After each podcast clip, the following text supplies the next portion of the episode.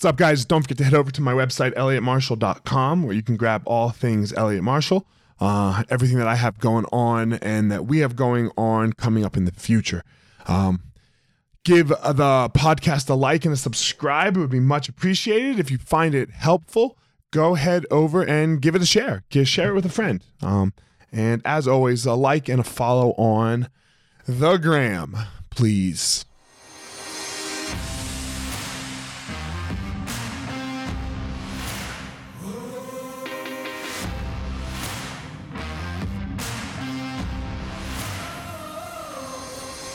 What's up, my ninjas? This is former UFC fighter Elliott Marshall, and this is the Gospel of Fire, where we are going to learn how to go into the fire so that we can find our power and live the best life possible.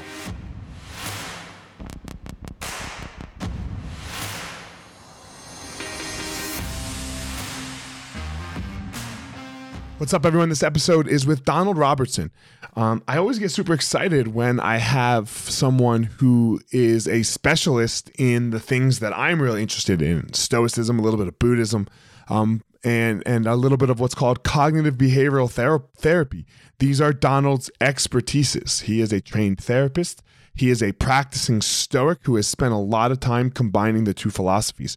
We had a great talk on how to uh, help the human experience and, and the things that you can do in your life uh, to make your life better. So without further ado, here we go. Donald Robertson. Donald, how you doing, man? I'm very well. I'm very well. How are you?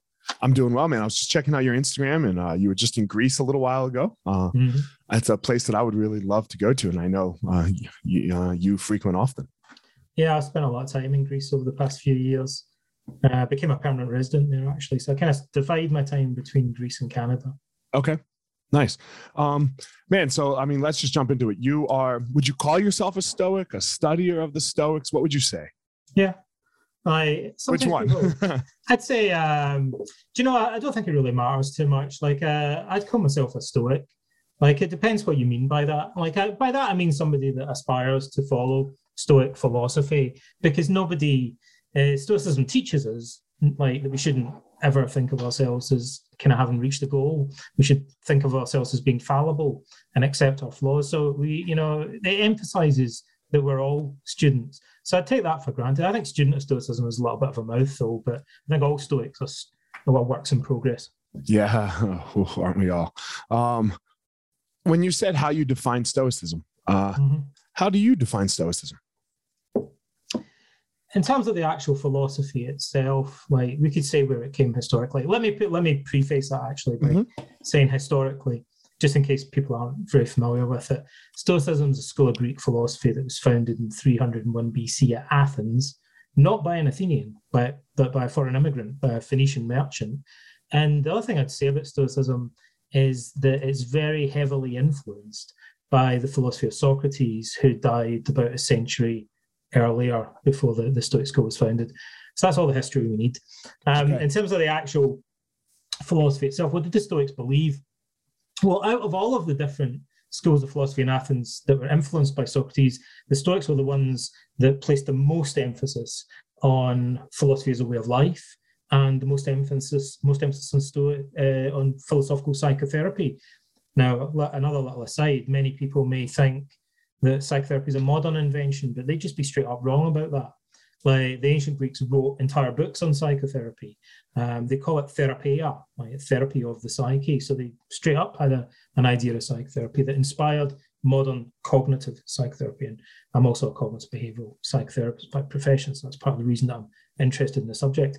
Now, the central teaching of Stoicism is Stoicism has a slogan that we sh- the goal of life is living in agreement with nature. And what they mean by that, uh, it's slightly opaque. What they mean is that we should live in accord with reason. And they think of that as being synonymous with living honorably, wisely, and virtuously. So they think the rational life is the virtuous life in a sense. And that's really the cornerstone of Stoicism. And what's unique about that, or what's special about it, is that Stoics think that the goal of life is a kind of state of mind or a way of being uh, rather than external goods that we might attain. So the goal of life isn't to have a big pile of money. The goal of life isn't to be celebrated around the world as famous. The goal of life is to achieve an inner state of wisdom and moral integrity. And it follows from that, it has an important consequence. So, the, the big important consequence of that ethic is that if you really believe that and you really try to live in accord with it, then you would be less upset than your average Joe if you lost your money or your reputation was damaged, because these things would be of less significance to you than the way that you dealt with the setbacks that you encounter.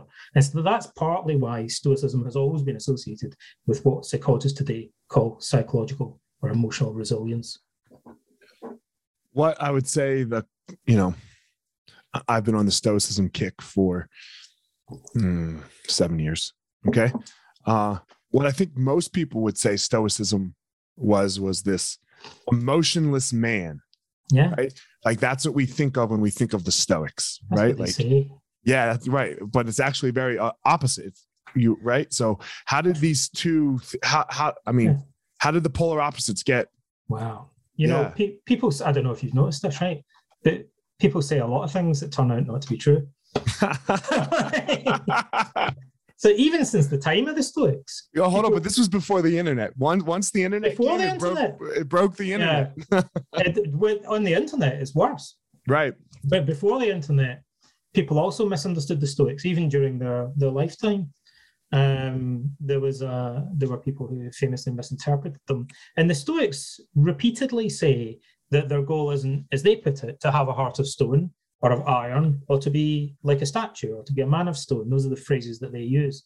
Um, their goal of life the, isn't to be completely emotionless, but rather it's to replace unhealthy, irrational, pathological, excessive emotions with healthy, rational emotions, basically. And the part of that, the subtle part, but really I would say the, the most important psychological part of Stoicism, is that the Stoics adopted what we today call the cognitive theory of emotion. They inherited it from Socrates and then they handed it on to the cognitive therapists uh, today. And they really popularized this idea that emotions aren't just feelings, why the emotions fundamentally also consist of beliefs and attitudes.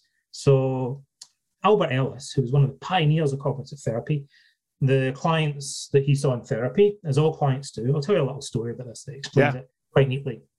Okay, so in therapy, clients will come and they'll sit in their first session and then they'll tell you how depressed they are, or how anxious they are, or sometimes how angry they are. And then they'll tell you how it's ruining their life. It's destroying their relationships. It's affecting their health. It's giving them stomach ulcers or whatever. It's ruining their sleep. It's making uh, life difficult for them at work. You know, it's sapping all the joy out of life, etc., etc., etc. And then they'll reach a point where they've just listed a whole bunch of reasons why they should change. Right? They've given themselves a strong, a lot of motivation to do something about their depression or their anger or their anxiety. So they've told you how terrible it is. And then they'll usually kind of look slightly confused and scratch their head and they'll say, I know it's awful and I know it's ruining my life, but I can't help it. It's just how I feel. And that, that's an expression of stuckness, as therapists like to say. And at that point, Ellis would lean forward the pioneer of cognitive therapy, way back in the 1950s, 1960s. And Ellis would say, yes, but it's not just how you feel, is it? It's also how you think. And that's the essence of cognitive therapy. And the reason that's so important, it was a, we call it the cognitive revolution in psychotherapy, is because thoughts have propositional value. And by that I mean thoughts often are true or false. And we can evaluate the logic of them. We can evaluate how they correspond with evidence. We can compare them to alternative beliefs or thoughts and the emotions that might be associated with those. And it opens up a toolbox of cognitive therapy techniques that the Stoics knew about two and a half thousand, almost two and a half thousand years ago. So this is the psychological, the beating psychological heart of Stoicism, is this idea that feelings aren't just feelings, they're also beliefs. For instance, the Stoics said that when someone is anxious, it's typically because they believe that something awful is about to happen and they won't be able to cope with it. Now, that happens to be very similar to the cognitive model of anxiety that we use today in cognitive psychotherapy. And so, in many cases, somebody is anxious. Uh, there are some exceptions to this, but generally, when people are anxious, it's because they fear that something terrible is going to happen and they won't be able to cope. Um, but often they're wrong about that. Like, so for instance, I'll give you a very specific example. People who suffer from panic disorder, um, not in all cases, but in a great many cases, fear that they are going to have a heart attack and die. So they feel a pain in their chest and the heart beats faster and faster because of anxiety and think, oh my God, oh my God, I'm having a heart attack. And they'll often go to the hospital uh, because I, have been here. This, I mean, this yeah. is me. I've been. They think they're going to so, die, yeah. but they're wrong. they're not going to die, right? Um, they're fine. They're not having a heart attack at all. Like they, they just feel really anxious. And as we put it sometimes today, it, eh, there are a number of anxiety disorders or other psychological problems that consist in misinterpreting physical sensations. So when people have panic disorder, they, they tend to kind of misinterpret the physical sensations of anxiety and, and view them as the evidence for catastrophic impending heart attack. The Stoics knew that. Now we can prove to somebody that they're not going to have a heart attack and die, and we can get them to question and reflect on their way of thinking. And when they change and correct those beliefs, after time, usually there's a kind of delay. It takes a bit of patience, but eventually the, their anxiety will significantly reduce. And the Stoics knew that as well. So this, I think, is really, you know, the the part, the practical essence of Stoicism, the psychological essence of Stoicism is identifying um, the role that our thinking, and that's why Stoicism is a philosophical therapy because it involves using the Socratic method, reflecting on and questioning the beliefs that causes emotional distress. So the opposite of that would be what we call lowercase Stoicism, where people mean just being unemotional. So someone who are having a stiff upper lip, right? So having we say a stiff upper lip Okay, got it. So when people say a stiff upper lip, what they mean is the idea that your lip would tremble when you're anxious. And someone with a stiff lip, upper lip is kind of like trying to conceal their anxiety, right? They're yeah. not showing it. They're keeping a kind of poker face, right? They try to keep it cool. But underneath, they may still actually be feeling anxious. Maybe they think they are going to die, like incorrectly, but they're not showing it. Now that is not healthy. We know now why, because that dude is just put a band-aid over his anxiety. He's just hiding it from others. He's just getting it concealing it. Like the lowercase stoic. He still has the beliefs that are making him scared. Like he's just kind of putting up a, a calm exterior. Um, and hasn't really d- addressed the root problem, the underlying problem. So Stoics say, no, it's more important to find out what the underlying beliefs are that are causing his anxiety. And they actually think they, they can make a generalization about that. They think basically a lot of our anxieties and other problems are caused by putting too much value on things that aren't under our direct control and not enough value on things that are under our direct control. Um, and that's the diagnosis that they make. And I think there's a lot of validity to that. Yeah. I mean, I agree. I'm, I'm all in on this. So, my next question is this is a question uh, my very religious friends bring up to me a lot. Uh, when you, you talked about morality uh, right in the beginning. Uh, and the, and they say like uh, a religious person would say, well, where does the morality come from? Because we get ours from God, right? And He wrote a book about it. So, um, where do the where did the Stoics come up with their uh-huh. morality? From reason.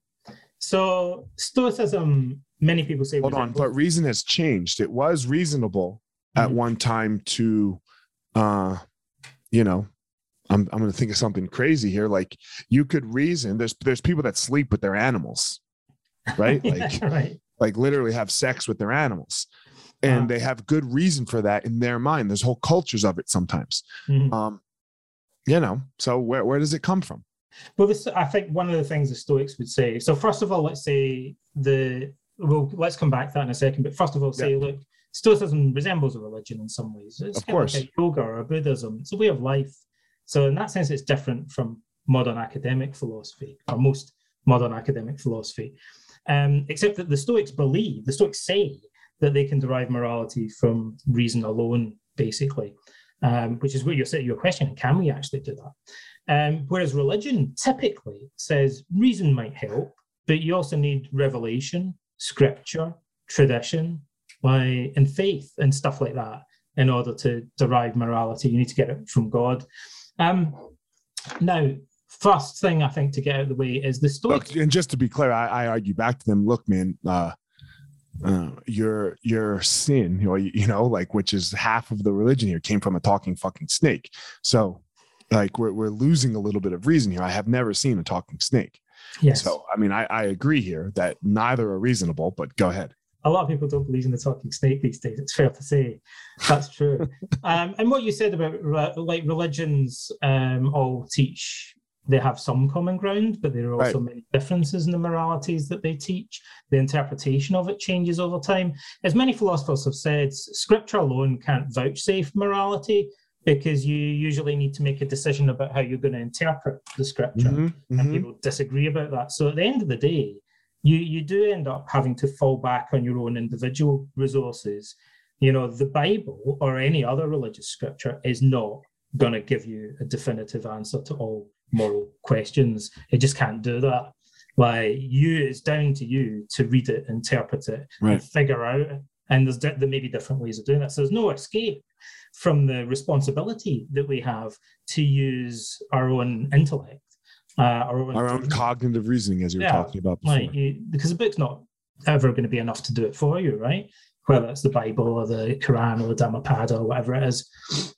So, in a sense, I would say that, all first of all, all morality has this problem of how do you derive the basic principles. It's not only a problem for Stoicism, but it's a pro- it's actually a similar problem for any world religion.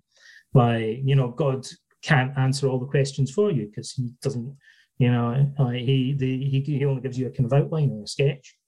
Um, now, what the Stoics would say is that their moral Stoicism is a virtue ethic. So the Stoics would say that their moral answers are quite broad, or if you like, kind of abstract in a sense. And then people may disagree about how to apply that morality in specific situations, right? So the Stoics would argue that reason alone could demonstrate to you that you should act with wisdom and justice and integrity and the virtues, basically. But different philosophers might disagree about whether it would be virtuous to give money to a beggar or not.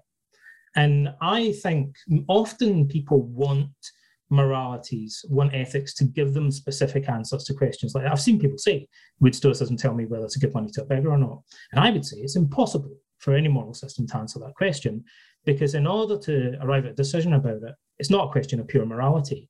You need to know certain empirical facts, like certain facts that you might not be unaware of, you might be unaware of. And they might vary depending on the era that you live in and the country that you live in. So maybe you live in an area where people are starving because of a natural disaster, and you know if you give a beggar money, he's probably going to spend it on food, right? Or you might live in an area where if you give somebody money in the street, there's a pretty good chance they're just going to send it on drugs or alcohol. Right? It might not actually be doing them any good. But where you can take that exercise further, right? Like they're going to spend it on drugs or alcohol. They're going to get into a car. They're going to go kill somebody else. Yeah. So should you have given money to that person? That's hard Yeah. to know. So an ethic can tell you what you should do is what helps the other person, perhaps, right? But it's not going to tell you whether you should actually give money to them or not, because there's a bunch of factual questions that no philosophical ethic could give you the answer to. You'd have to know the area. You'd have to know the type of people people that you're dealing with. So you- you're going to need, and that's going. Those are going to be judgments of probability as well. Right. So you're going to have to make judgment calls. So I think sometimes people expect too much of an ethic. They expect it to tell them exactly what to do in different situations. And I think the Stoics realized that all an ethical system can do is give you this kind of general guidance. Like you should act with wisdom, you should act consistently, you should act with justice, like you should act with courage and self-discipline. But whether or not you actually do, um, you know, support, vote for a certain political party, or whether or not you help a certain individual, they say, well, there's a lot of other information you'd need to research. Sure. Yeah. Um, all right, enough about stoicism in and of itself, Hmm. because uh, So let me just, I I should interject one other thing. If, if people are kind of thirsty for a bit more of a, a justification, what I think the Stoics would say, this is me reconstructing their argument somewhat. This is a Socratic argument for what for a virtue ethic, right? So I think what Socrates and the Stoics would implicitly say is that uh, human life is goal directed, that because we can reason, reasoning is goal directed. Nobody reasons in order to get things wrong. Like we think and use reason because we want to, at some level, perceive and understand the truth. And so the Stoics think we're already implicitly, because we have self awareness and reason, committed to trying to get to the truth of things, to trying to understand things. And so the Stoics, I think, and Socrates would conclude that uh, given that we're already committed to thinking, we implicitly have an obligation to think properly, to think well, to think wisely. So we, if you're going to reason, your goal should be wisdom. Your goal should be to reason well about life and to do that okay. pretty consistently. And so the Stoics therefore think that we have like nature alone, like can confer on us this obligation to attain wisdom. And that if we exhibited wisdom in our relationships with other people, then we'd be exercising, and we did that consistently, we'd be exercising the virtue of justice. And that in order to do that, we'd have to be able to show wisdom and justice despite having fear and despite having cravings. And so we therefore also require the virtues of courage and self-discipline. So that's how they would derive the four cardinal virtues of Stoicism from the from the natural from the simple fact that we are reasoning beings. Yeah, yeah, I I am all I 100% agree.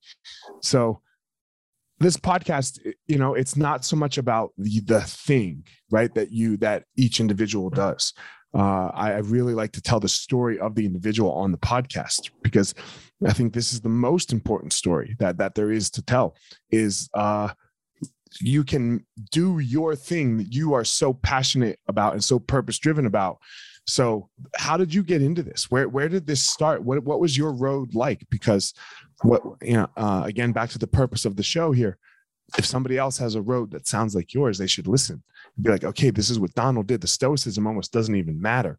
Like mm. uh right? It's it's how you did your life to to make this weird stoicism thing happen for you. Well where, where did it start? how i got into stoicism and then yeah. I think that some people might not care about that and then other people might think oh like that's that kind of resonates with them. Yeah so, if one person hears the podcast and goes oh wait yeah. a minute that's how i feel then then it's worth our time. Sometimes that happens. Yeah.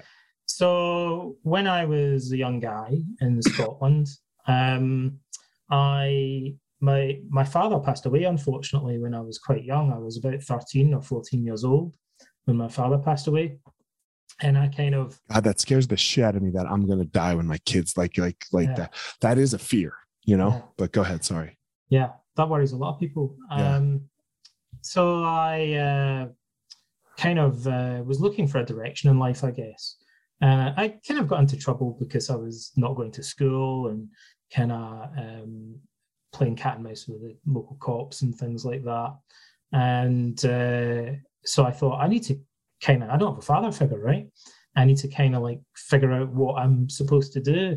And I realized quickly, like the more you kind of break the rules and fall between the gaps and live outside the system and stuff, you know, it gives you a buzz because you have a kind of sense of freedom in some ways, but it also leaves you feeling kind of at sea because you kind of think, well, what's the point of any of this? Like, you know, should I be trying to be rich and famous or should I be trying to kind of have a good career or, you know, like um, I didn't have anyone to kind of point me in any particular direction.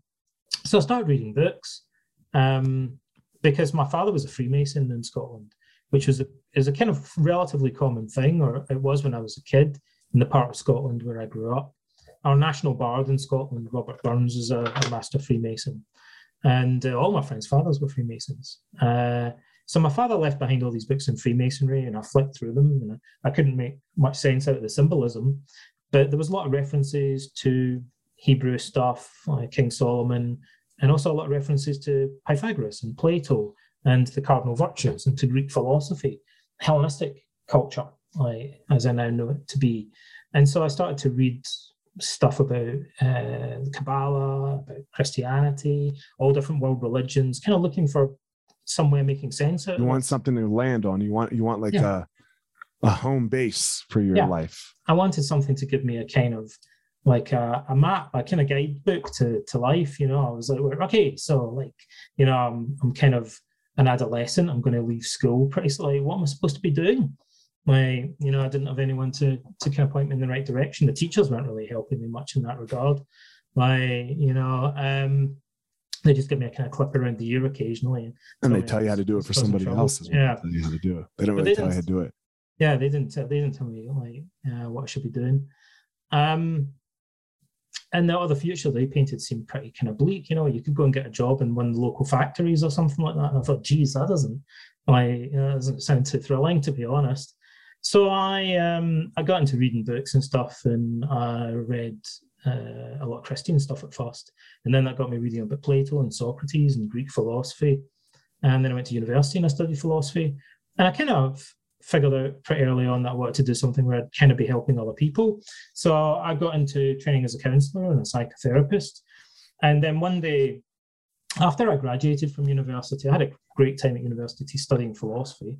I started studying counseling, psychotherapy, and I was studying meditation and self hypnosis and reading lots of self help books. And I felt like I was juggling three balls. You know, there was the philosophy, the psychotherapy, and then the kind of spiritual self help type stuff. Um, and then after I left university, I just felt, wow, it's kind of a lot to take on. I'm reading, there's endless books and stuff, and I still don't really kind of have a, a sense of direction. I feel like one day all this is going to just come together for me, but you know, so far it's not. I'm just more confused than I was to begin with. And then I kind of stumbled across the writings of a French academic called Pierre Hadot. And Hadot wrote about spiritual exercises that he found in ancient texts. And it became evident to me pretty quickly that the main school of ancient philosophy that had the most psychological or spiritual exercises was Stoicism. And Stoicism was the one major school of ancient philosophy that isn't normally covered in the undergraduate philosophy curriculum. So I'd studied Plato and Aristotle, but I never studied the Stoics at university. And to caricature it slightly, if you ask um, academic philosophers, uh, they would say, or they did say to me, um, well, you know, if you said, why don't we study the Stoics? They would say, look, the Stoics just take ideas from like Aristotle and Socrates and Plato and guys like that, and then they kind of figure out the practical application of that in daily life. So, like, why would anyone want to study that? They would say, why? Um, because they thought, well, we'll just study Plato or Aristotle, or whatever. It's the concepts we're interested in, not the practical application. And I thought, but most normal people are more interested in the practical application of these ideas. You know, that's where it cashes in in terms of something of practical. Well, that's where we get an ROI, right? That, Yeah. that- you get a return for your life. Exactly. Right. So I thought, but that's the bit I'm interested in. And so I started reading the Stoics. And, you know, I like to say, I don't well, actually I don't like saying this, but I end up saying it a lot. I was into Stoicism before it was cool. It's kind of what I try to avoid. When did it get cool? Tell me when it got cool. It got cool like round about 20 years ago, actually. Okay. Like, it was a kind of gradual thing, like, um, but uh, there weren't many popular books in Stoicism 25 years ago or so when I was beginning to read it. Bill Irvine's book, uh, Guide to the Good Life, I think had just come out, and then Ryan Holiday's books were beginning to come out. Um, and people would say Stoicism, like that's this niche area. That I was gonna say one Ryan Holiday made it Right. cool for me. That's right. Ryan really Holiday, Tim Ferriss introduced some people to it as well. A lot of people.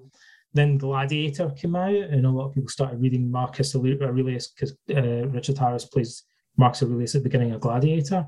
And uh, then What whole a- now now there's books in Stoicism that come out every week it seems, and the internet is just awash with stuff about Stoicism and communities for Stoicism and stuff. But 20, 30 years ago, it was kind of like a no man's land, and it, you know it was like a real obscure thing. I understand like that's uh like I do Brazilian Jiu-Jitsu and Brazilian Jiu-Jitsu in America uh pre 2008 was like a no man's land. So yeah, Yeah. I, I I get what you're saying. no one So- was interested. So I. I wrote a book about Stoicism because um, I thought it seems so obvious to me. sorry. It's all right. I'm sorry. I've No never had that happen. 400 episodes. the um, I thought like Pierre Hadot says all this stuff about classics, but it seemed really, really obvious to me that the spiritual exercises, as he called them, and he listed loads of them, were similar to psychological exercises that we use in modern psychotherapy. And Hadot never mentions this once, as far as I saw, which really kind of surprised me, you know, when something seems so glaringly obvious. So I thought, why someone needs to just write a book. It's, it's already, you know, it's like waiting to be written that just says, all these techniques are similar to ones that we use today, just kind of joins these dots. Um, it, the book writes itself, kind of thing. And so I, I ended up writing a book about that. And I didn't think it would be a big deal because, uh, you know, at that time, no one seemed interested in the subject. And I wrote the book for philosophers and psychotherapists. It was kind of published by a, a specialist uh, publishing house called Karnac in the UK. It published books on psychotherapy. And to my surprise, psychotherapists and, and philosophers didn't really read it. But uh, the general public read it as a self-help book. And then I ended up. What's the name more. of the book? It's called The Philosophy of Cognitive Behavioral Therapy. And that was the first book that I wrote on Stoicism. And since then, I've written about six or seven other books on Stoicism um, and uh, or on like philosophy and psychotherapy. I've probably written about four or five books on Stoicism. Um, and you know, now it's somewhere along the line, it just became like a, a big thing. One of the reasons for that was that there were people that were into Stoicism, but they didn't talk to each other because there was like a diaspora. They were all just kind of like spread out. You know, there wasn't a place you could go and hang out with other Stoics. Like so, the, with the internet, people started to form online communities, and they say, "Oh, you're into Marcus Aurelius. I'm into Marcus Aurelius too." And these communities got bigger and bigger because these people are just dispersed all over the world. Like there are millions of them. Like right. lo- millions of people have read the Meditations of Marcus Aurelius, but no one ever really thought of that they should all get together before the internet. The internet allowed them to get together, and then suddenly all over the world, like they realized that there were it was a movement and there were communities pretty quickly, actually. So that that's kind of how I got into it. And then I was invited by uh, Christopher Gill, who's Professor Emeritus of Ancient Thought at Exeter University in England, to come down and attend a workshop with a bunch of other people that were writing books about Stoicism. And we formed um, about 10 years ago an organization, a non-profit called Modern Stoicism. And it runs an annual conference and it's got a huge blog with hundreds and hundreds of articles on it. Uh, runs online courses. Um, and so Modern Stoicism got in all the newspapers in the UK and generated a lot of publicity, and it's still going. Like, and that contributed to building the the momentum in the community. So here I am. I'm a guy. I'm listening to this podcast, or I'm, I'm Elliott over here sitting, uh, listening to you.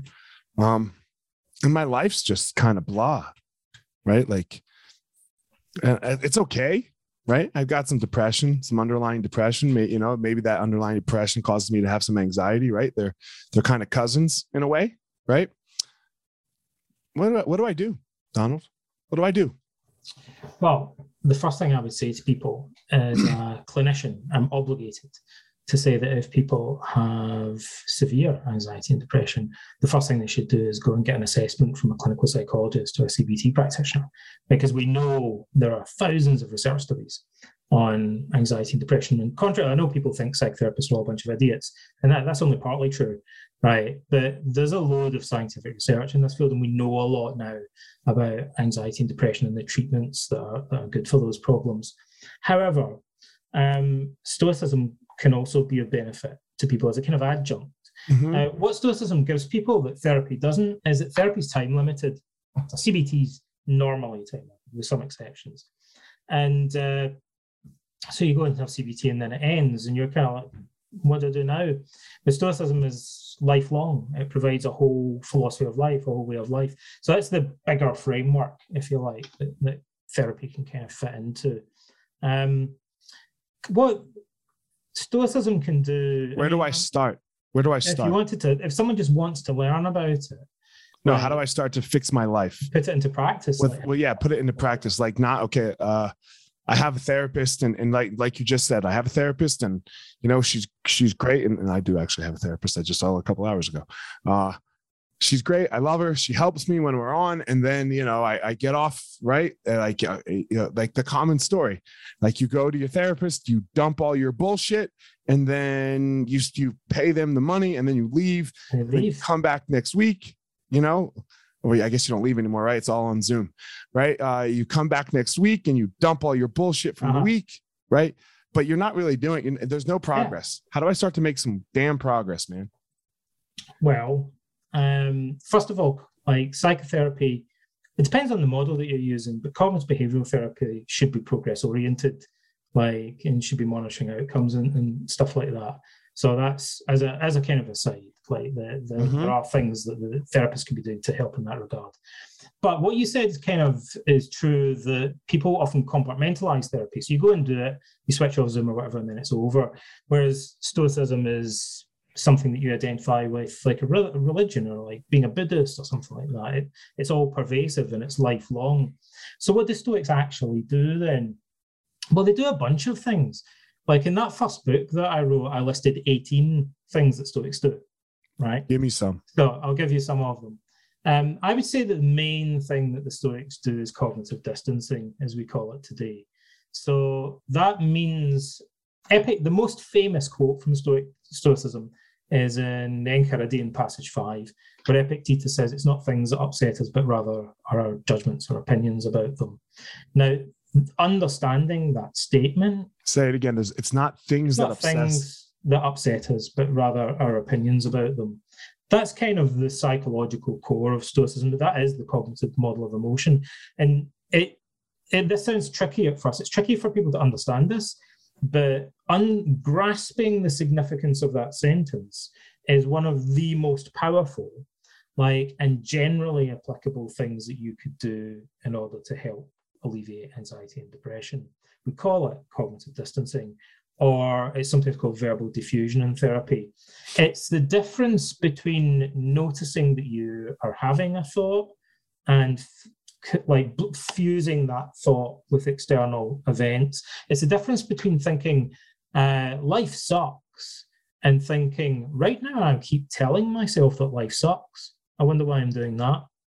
Like so, cognitive distancing is like you take a step back and observe your own thoughts, like from the side like from a little bit of a distance yeah. and you you see your thoughts as something that you're doing rather than just fusing them with reality aaron beck the founder of cognitive therapy used to explain it to clients using this little metaphor he'd say imagine you were wearing rose tinted glasses and you've been wearing them for such a long time you've forgotten that they're on your face so you just assume like elliott's kind of pink and that house is pink and that dog over there is pink like that's just what the world is like what's really pink like since COVID. You know, maybe it's got something to do with the pandemic. Oof.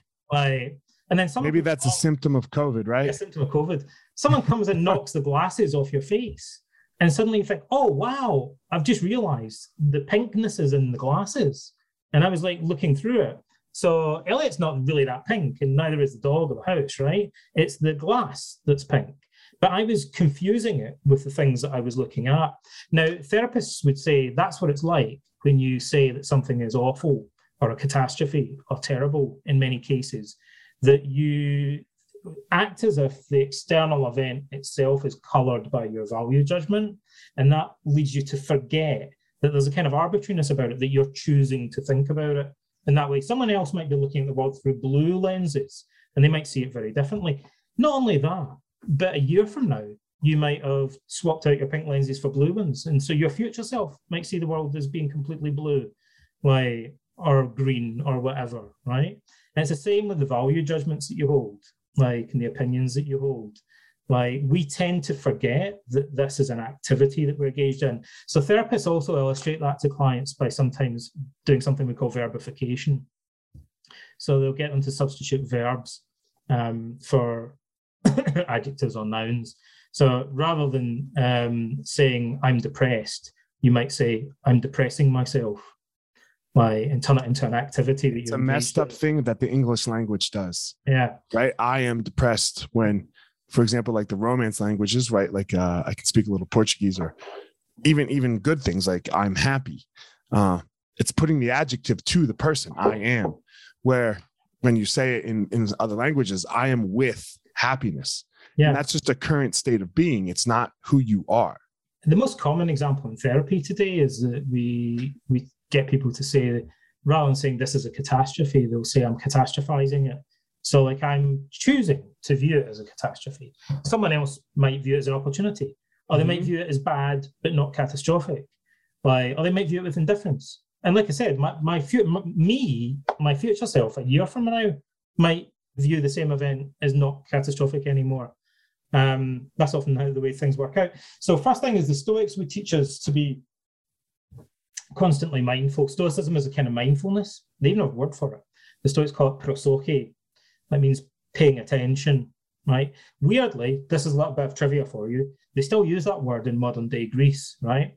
So if you visit Greece, you'll see uh, warning signs. Like we would have a sign that says "Beware of the dog." Um, they would say "Prosochi skilos." Why? So it means pay attention, watch out. That's the word that the ancient Greeks used for mindfulness. That we should pay attention to our own value judgments continually and notice when we're viewing something as awful or catastrophic or as if it's a life and death matter, that we're choosing to impose those values on external events. So that's something we should train ourselves to do throughout the day, the Stoics thought. And another thing that they thought we should do. How do you do that? How do we do that? So how do you take that? Like you're talking about like distancing yourself from yeah. your thoughts, for example. Um, dude, my my friends or my former friends right now, they have done so much to me you know they, uh-huh. they have done all of these things to me and like i'm so mad at them and i can uh-huh. just start listing you these things that they've done how do mm-hmm. i distance myself from the thought well, in order to gain cognitive distance, right, I could probably rattle off half a dozen different ways of doing right. it. Right, they don't all come from Stoicism. Right. Um, the, there are several that we find in the Stoics. So one would be the statement that I mentioned earlier, just really contemplating that and reminding yourself of that. It's not things that upset us, but rather our opinions about them. Another one would be talking to the thought. So Epictetus tells his students when you have a troubling impression, like when you're pissed off about something, say to yourself, uh, you're just an impression and not at all the thing that you claim to represent. So you'd say, like, you know, you're this is a thought that I'm having, like, and you maybe even talk to it. Like we clients do this today in therapy, where they'll say, "Hello, depression. Haven't seen you for a while," like as if they're talking to another person. Sounds a bit yeah, weird, yeah, right? Yeah, yeah. But it allows them to it, to create this, um, and I would say a lot of people at first don't quite understand what cognitive distancing means. It's very hard. Yes, it's a, it's a, little bit of an abstract concept, but once you get it, it's really simple. And we there's a ton of research that shows how effective it is. So it's just a way of shifting perspective so that you're looking at your thoughts rather than looking at the world through them. Another way that's very popular today is I like to, what you said there, so that you're looking at your thought, yeah. not looking at the world through them. Yeah, like taking your colored glasses off and right. looking at them rather than yep. looking through them all yep.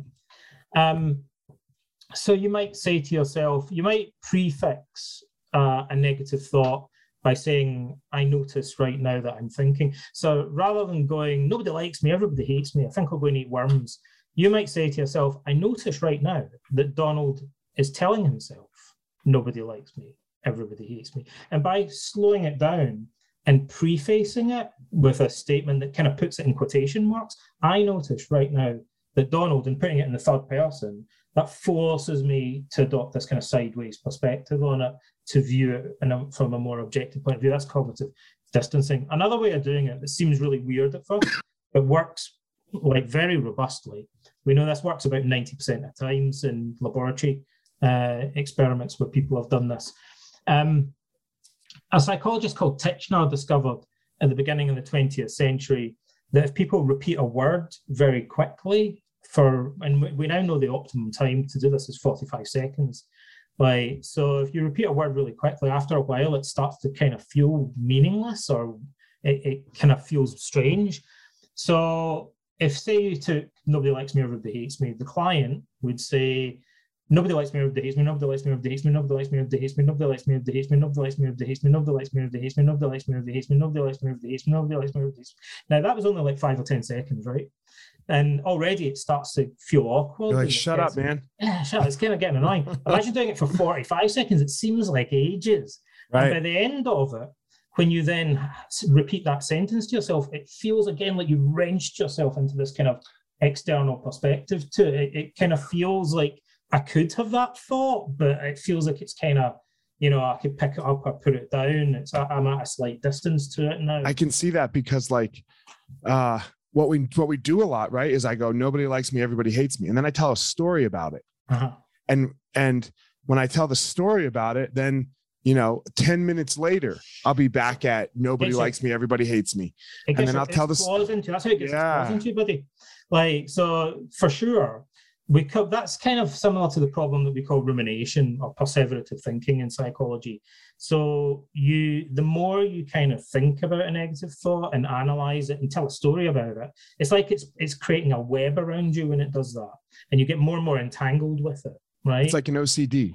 Yeah, and even if you think you're kind of uh, getting it out of your system or you're trying to solve the problem, often you're just getting more and more entangled in this more and more elaborate net Web. that you're creating. But yeah. that's that's how it works. People didn't see it like that before.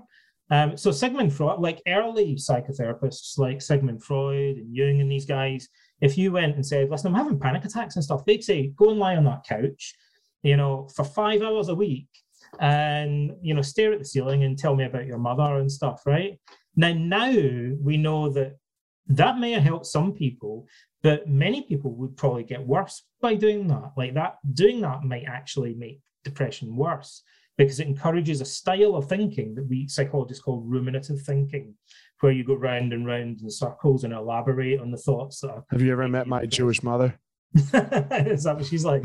Is she like an expert on that? My whole my whole family is like this. Yeah, we're all experts. It's part of the culture yeah. almost today. It's you know we're living quite a verbal. I think with social media and things, it kind of maybe encourages it a little Tell bit the stories. as well.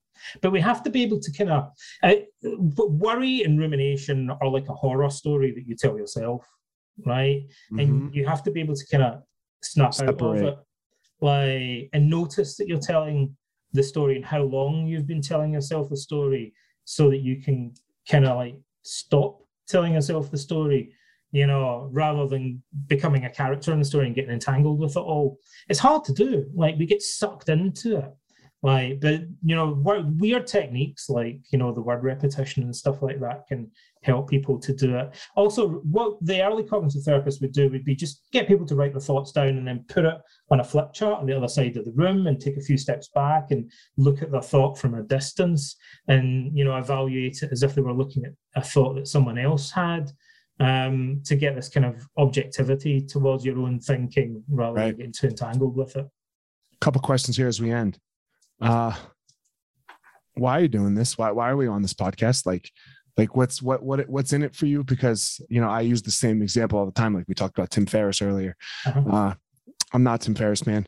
Uh, you you're you prob um, maybe you're gonna sell one book, maybe. Uh, yeah, I'd make uh, probably make like 25 cents out of that. Yeah. so I've got a quarter. Buy a coffee or something. Yeah. Maybe. Right. So why why why do you do this? Like come on some obscure guy's podcast that you've never heard of that, you know?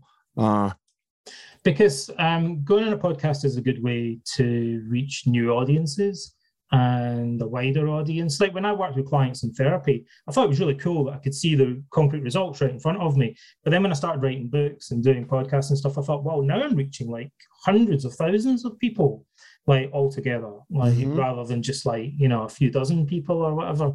So it means that you're reaching far more people. And also, I like talking about Stoicism. It's kind of a hobby, and talking about it allows me to deepen my understanding of it. Um, you know, I, I get I benefit from doing I and in terms of writing books, I find answering people's questions allows me to be better at writing my books. It's kind of right. you know, if I now go away and write about stoicism, I'll think, well, the stuff that you could relate to and the stuff that you asked me about is maybe stuff that would be worth dwelling on in, in more detail in the next book or article that I write. Last question. Um, I believe everyone has a unique power that they give to the world. Uh, something that makes them amazing, not necessarily rich and famous, like we talked about. Uh, what's your power? What's your superpower? What's your superpower? Wow, that's an interesting thing. I was going to say something quite unusual, I think. I don't know if it's unique. You asked me earlier what it was that put me on this, the, the path that I'm on in life. And I, I think partly it was my father passing away. And then also partly I think it was like I had a few brushes with death, which is, is pretty common. Um, I think it's actually surprising when people say they've never had a brush with death, like because by the time you're middle age, maybe you've had some health scares, maybe you've been in a few near misses or dangerous situations, and you know if you're what kind smart, of fucking life did you live if you don't have yeah, a brush with death by the time you hit forty? You, I, I reckon when I've asked audiences, I, it's usually I think about two thirds of people that say they've had a brush with death by the time the middle, and about a third of them don't seem to have, unless they maybe just did and forgot about it. Yeah. But you know, the things that have changed me the most, and I think I think of as a kind of superpower are the brushes with death that I've had, because I think most people walk around in a trance and they're hypnotized by celebrity culture, consumerism, social media, hedonism, egotism, like all the superficial crap that makes up society. Like we're thrown out into the world, you know, before we get a chance to think critically, we're already sucked into the prevailing values of our decadent society. Like we get bombarded with it from all quarters. And one of the few things that can snap us out of the trance is a brush with death. And then we think, like, geez, I thought I was going to die there. Like, and then you might think maybe watching all the episodes of Friends isn't actually that important. Or, you know, maybe, you know, winning an argument with some guy at work's not really that important. It puts things in perspective. Yeah. I think when you have a brush with death. And the Stoics knew that. And uh, I think that's one of the things that can free us like, and also being bereaved. I think if you lose another person, it can also snap you out of the trance and make you think, what's the point of all this? Like, is it just to kind of do a nine to five and pay your bills and buy a house and then die? Or like, or is there more to life than that?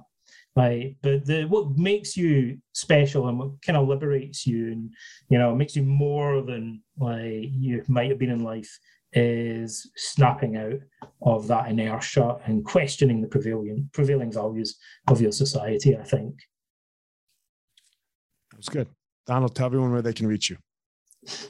Well, that's really easy. You can just go to my website, which is donaldrobertson.name, N-A-M-E, and I'm all over social media and like, you know, they can find my books on Amazon and whatnot. And if right. they want to get in touch, they can get me that way. Sounds great. Uh, greatly appreciate you coming on. Thank you so much. Gentlemen, ladies, children, if you're listening, as always, don't go out in the world and try to be Donald. He has his unique thing that he does and gives to the world. Don't go out in the world and try to be me.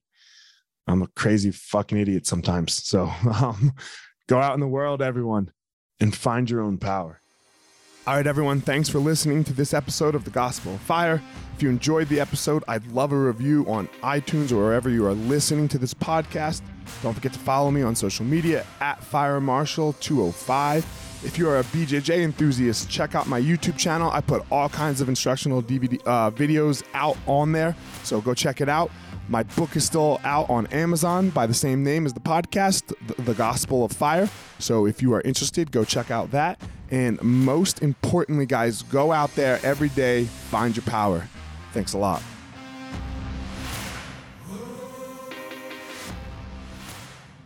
Guys, look, I get it. I totally get it. You opened a martial arts school, and man, it's kind of crushing you. There's all this other stuff to do other than teach, right?